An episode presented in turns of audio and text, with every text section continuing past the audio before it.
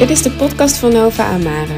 De podcast die jou helpt om spirituele en psychologische concepten praktisch toe te passen in jouw relaties, werk en gezondheid. Mijn naam is Nikki Corint en ik vind het fijn dat je luistert.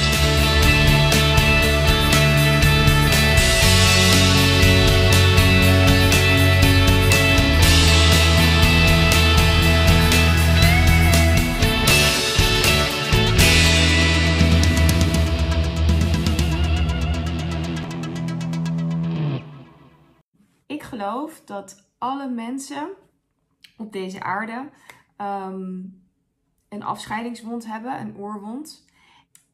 Die oorwond is de liefde die niet eh, gezien werd en ontmoet werd in de liefde.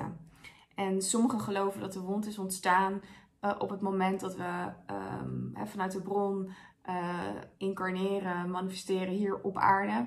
En andere mensen geloven dat, um, dat de wond ontstaat op het moment dat we als baby uh, voor het eerst voelen dat de aarde niet alleen maar liefde is.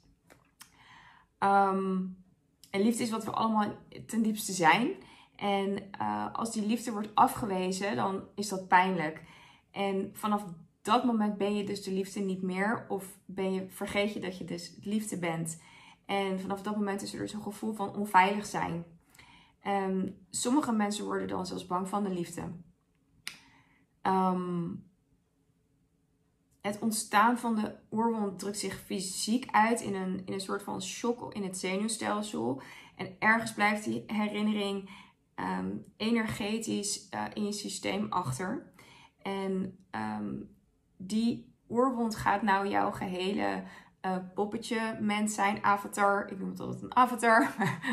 ik kan ook zeggen je, je, je mens zijn, je Nikki, uh, je, de persoon die je hier op aarde bent. Wordt vanaf dat moment eigenlijk uh, onderbewust aangestuurd vanuit het ego op die wond. En er ontstaat een verhaal en echt een diepe overtuiging um, waarom jij niet goed genoeg bent. Um, waarom jij dus geen onvoorwaardelijke liefde waardig bent. Want je voelt die onvoorwaardelijke liefde, die, die voelt iedereen. Die voelt, die voelt dat het bestaat en die voelt dat het in zich zit. Maar waarom herken ik dat dan niet terug in mijn buitenwereld? Waarom voel ik dat dan niet? Dan zal er wel iets mis zijn met mij. En um, dat uit zich in allerlei overtuigingen. Overtuigingen zoals ik ben niet waardig. Um, ik ben waardeloos, ik doe er niet toe, ik ben niet belangrijk. En het, het ego uh, zal deze gevoelens van minderwaardigheid willen compenseren door heel hard te bewijzen dat die persoon wel waardevol is. Um, en dat zijn dus de, de gevers, de helpers, de mensen die ver over hun eigen grens heen gaan om te zorgen voor anderen. En uh, dat, dat komt dus. Uh, op het moment dat je over je eigen grens gaat om te geven aan een ander, komt het niet meer vanuit een onbaatzuchtige, liefdevolle plek. Maar dan komt het dus vanuit die wond die daar zit. Die is afgedekt door het ego. En um, het ego wil daar altijd iets voor terug. Dus op het moment dat jij uh, dan heel veel gaat geven en gaat zorgen, dan denkt het ego: oké, als ik dat doe, uh, dan ben ik waardig. Als ik geef, dan voel ik me weer waardig, voel ik me weer heel. Um, je hebt ook de overtuiging: ik ben niet goed zoals ik ben. En er, er is dus iets mis met mij. Ik moet heel hard werken aan zelfverbetering. En dat zal het ego compenseren door uh, te bewijzen dat er dus niets mis is met die persoon. Dus die persoon zal gaan streven naar perfectie. En dat kan zijn in uiterlijk, in innerlijk, in. Uh, vaak zie je dat eigenlijk op bijna alle vlakken. Dat iemand echt gaat streven naar perfectie. Om maar uh, niet te worden geraakt in die wond. Er is iets mis met mij. Um, en het, ego heeft het idee dat als ik nou maar alles helemaal perfect regel en alles uh, tot in de puntjes uh, verzorg, dan is er in ieder geval uh, niks mis met mij. En dan kan ik, kan ik ontspannen en dan voel ik me heel. Alleen dat is natuurlijk een illusie, want het is een hamsterwiel, het stopt eigenlijk nooit. En um, een andere overtuiging is bijvoorbeeld, ik ben machteloos. Um, ik heb geen invloed, ik heb geen kracht, ik ben niet in staat om te handelen of adequaat te handelen. En mensen met die wond gaan vaak overdreven veel um, machtvertoon doen. Um, om te bewijzen dat het wel degelijk macht en kracht heeft. Uh, dominerend gedrag zie je hier veel bij. Um, mensen die allerlei uh, verantwoordelijkheden van anderen gaan overnemen. Om te laten zien, ik ben heel krachtig. ehm, dan heb je de overtuiging: ik ben niet goed genoeg. En dat wil ego compenseren door continu te bewijzen dat die persoon van alles kan en van alles kan doen.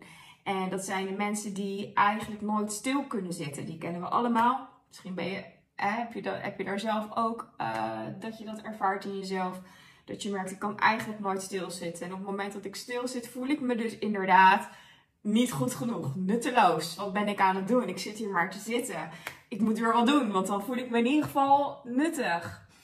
Um, dat is ook een ego-strategie. Uh, uh, om je dus weer heel goed genoeg te voelen. En um, ja, we kunnen dat nooit vinden in de, in de buitenwereld. Um, er is ook een overtuiging: ik ben bang dat ik alleen over zal blijven. Of ik ben eenzaam. En dat zal door het ego worden gecompenseerd door continu verbinding met anderen te willen. En meestal in relaties. Dus dat zijn meestal mensen die ja, altijd in relaties uh, moeten zitten. En ook al is die relatie niet vervullend of niet goed voor ze, uh, die verbinding hebben ze echt nodig. En op het moment dat binnen die relatie die verbinding wegvalt, uh, kunnen ze dat ook gaan zoeken in relaties buiten de relatie. om maar weer die verbinding te ervaren. En dat zijn ook mensen die bijvoorbeeld soms veel kinderen krijgen. Of heel erg hun focus hebben op hun kinderen om daar dus die verbinding en dat gevoel vandaan te halen van oké, ehm, het voelt veilig. Want dat geeft in ieder het gevoel dat ik niet alleen ben uh, en niet alleen overblijf. Um, en dan hebben we nog de overtuiging, ik ben ontoereikend, ik ben dom, ik weet niet genoeg. Nou ja, ego zal dat compenseren door continu te willen bewijzen dat die persoon wel slim is en genoeg weet.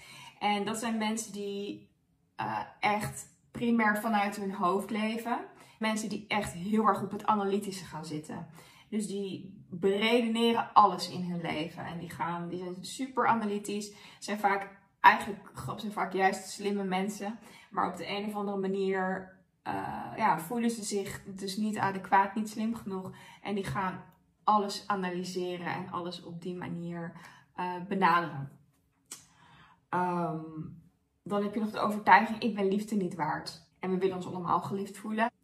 En het ego zal daardoor dus een avatar creëren die dingen accepteert van mensen waarvan het echt wel voelt dat het eigenlijk helemaal niet uitlijnt met wie die persoon is of wat die persoon verdient of wat goed voelt voor die persoon.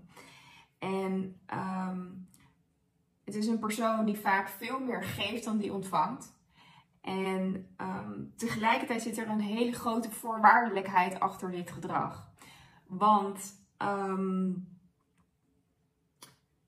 die persoon die verwacht altijd iets terug voor hetgeen wat hij doet. Omdat um, er zit een wond achter, ik ben liefde niet waard. Dus die persoon wil liefde gaan zoeken in de buitenwereld. Dus wat die persoon kan gaan doen is bijvoorbeeld um, ja, veel geven. Dus veel over eigen grenzen laten gaan. Op het moment dat die persoon er dan niet voor terugkrijgt wat het ego wel verwacht terug te krijgen. Dus waardering of liefde, uh, gevoel van liefde. Um, dan slijt die persoon eigenlijk in passief-agressief gedrag. Want wat er eigenlijk onder zit is: hey, hallo, kijk wat ik allemaal voor jou doe. Kijk wat ik je allemaal geef. Ik, nu wil ik wel die liefde terug. Nu wil ik wel die waardering terug. Jij geeft mij dat niet. En dan komt er een soort van onderdrukte uh, woede, um, teleurstelling, nou ja, noem maar op, een hele scala aan dingen. En dit is eigenlijk iets wat, um, ja, wat ik denk bijna iedereen in meer of mindere mate wel herkent. Um, je kan dat echt, echt ontgroeien als je leert om naar die, die wond te gaan. Maar dit is iets wat denk ik heel veel mensen wel, uh, wel herkennen. Dat, ja, Vaak herken je misschien niet dat je iets geeft om iets terug te verwachten. Maar wat je misschien wel kan merken is dat je op een gegeven moment een bepaald wrokgevoel naar iemand gaat, uh, gaat voelen. En dat je denkt, hé hey, dat is gek, waar komt het vandaan? En dan merk je dat het eigenlijk vandaan komt dat die persoon jou niet terug heeft gegeven wat je eigenlijk wel had verwacht of had gewild of naar verlangd.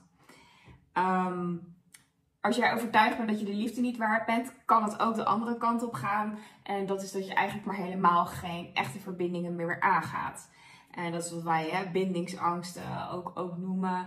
Ehm, dat zijn mensen die vaak ehm, ja, alleen maar losse contacten hebben. En op het moment dat, dat de verbinding dieper gaat, dan gaan ze vluchten. Uh, omdat ze denken, nou ja, ik ben de liefde niet waard, ik ga toch verlaten worden. Dus uh, dat, laat ik dat maar voor zijn, voordat ik pijn word gedaan. Um, en de laatste overtuiging, ik ben niet compleet, er mist iets. En um, het ego zal dan altijd op zoek gaan naar buitengewone ervaringen, relaties, uh, FOMO, fear of missing out. Dat is wat ego gaat doen op het moment dat je gelooft dat je niet compleet bent, dat er iets mist. Um, continu op zoek gaan naar nieuwe ervaringen, nieuwe mensen, nieuwe relaties. Uh, je ziet dat het ook vaak mensen die heel erg experimenteel zijn met bijvoorbeeld drugs, maar ook met uh, reizen.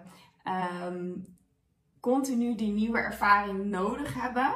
Dus het gaat niet om dat je, hè, als je reist, dan is dit een wond van je. Niet per se. Het is alleen, heb jij het nodig? Heb jij die ervaring nodig om het gevoel, tijdelijk natuurlijk, want het is nooit permanent omdat je het in de buitenwereld zoekt. Dus uh, heb jij het nodig om het gevoel te hebben dat je compleet bent? Heb je die ervaring nodig? Of kan je gewoon zijn en je dan compleet voelen zonder een ervaring of een, iets nodig te hebben. En um, dat zijn dus ja, de, de eeuwige zoekers, want aan elke ervaring komt een einde. Dus dan gaan ze weer op zoek naar de volgende ervaring. Um, ik geloof dat alle mensen, eh, misschien met uitzondering van Jezus, Boeddha, uh, nou, de verlichte uh, masters die er, die er zijn en zijn geweest, um, geloof ik eigenlijk dat alle mensen um, het besef in eerste instantie verloren zijn dat ze liefde zijn.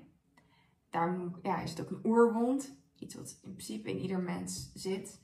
Um, en ik geloof dat alle mensen dan liefde gaan zoeken in de buitenwereld op één van, één van de manieren die ik hiervoor benoemd. Waarschijnlijk herken je er meerdere. Ik herken er zeker meerdere. Ik heb zeker in mijn leven heel veel van deze uh, strategieën. Mijn ego heeft zeker heel veel strategieën toegepast.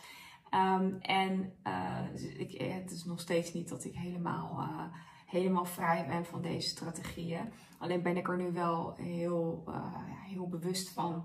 Omdat ik nu weet dat het me nooit gaat brengen wat, waar ik naar verlang.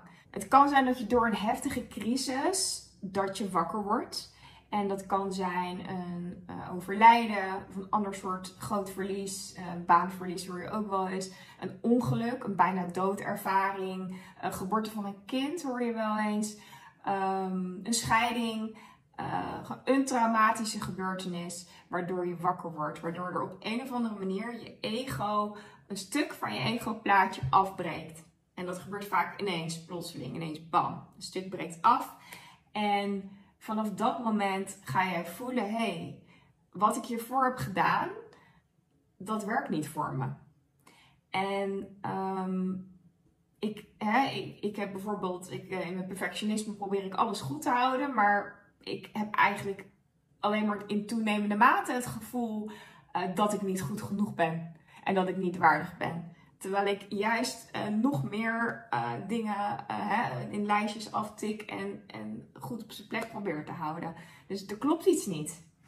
En op het moment dat er dingen wegvallen, dan worden we vaak daarmee geconfronteerd. En dan denken we, hé, hey, dat, klopt niet, het voelt niet goed meer. En dat is vaak het, het moment dat mensen gaan beginnen met die lagen afpellen, kijken naar die wond en te kijken hoe ze dat stukje bij beetje kunnen helen door daarin te gaan. En vaak komt er dan hulp bij. Uh, het is lastig om dat in je eentje te doen. Ik zeg niet dat het altijd nodig is, maar hoe, ja, hoe dieper de wond zit, ik denk wel dat, het, um, dat je daar bepaalde tools voor nodig hebt in ieder geval. En um, ik ben er ook van overtuigd dat je niet per se die crisis nodig hebt om um, die ego-strategieën uh, te gaan doorzien en te gaan ombuigen en die wond te gaan helen. Um, ik ben ervan overtuigd dat als jij intrinsiek de motivatie hebt, dat, um, dat je ook die wond kan gaan helen. En dat daar niet per se een traumatische gebeurtenis voor nodig is. Puur vanuit een gevoel van, hé, hey, ik wil dit anders doen. Ik wil niet meer constant het gevoel van tekort hebben. Constant het gevoel hebben dat ik iets in de buitenwereld moet halen, omdat ik het van binnen niet heb. Genoeg om over na te denken. Ik hoop dat je de podcast leuk vond. Als je er ook maar iets van meeneemt, is dat super fijn. Eh, als je vragen hebt, kun je reageren via de website of via de e-mail die hieronder staat. En reed je ons 5 sterren, dan kunnen anderen de podcast ook gemakkelijker vinden. Dankjewel voor het luisteren en geniet van je dag.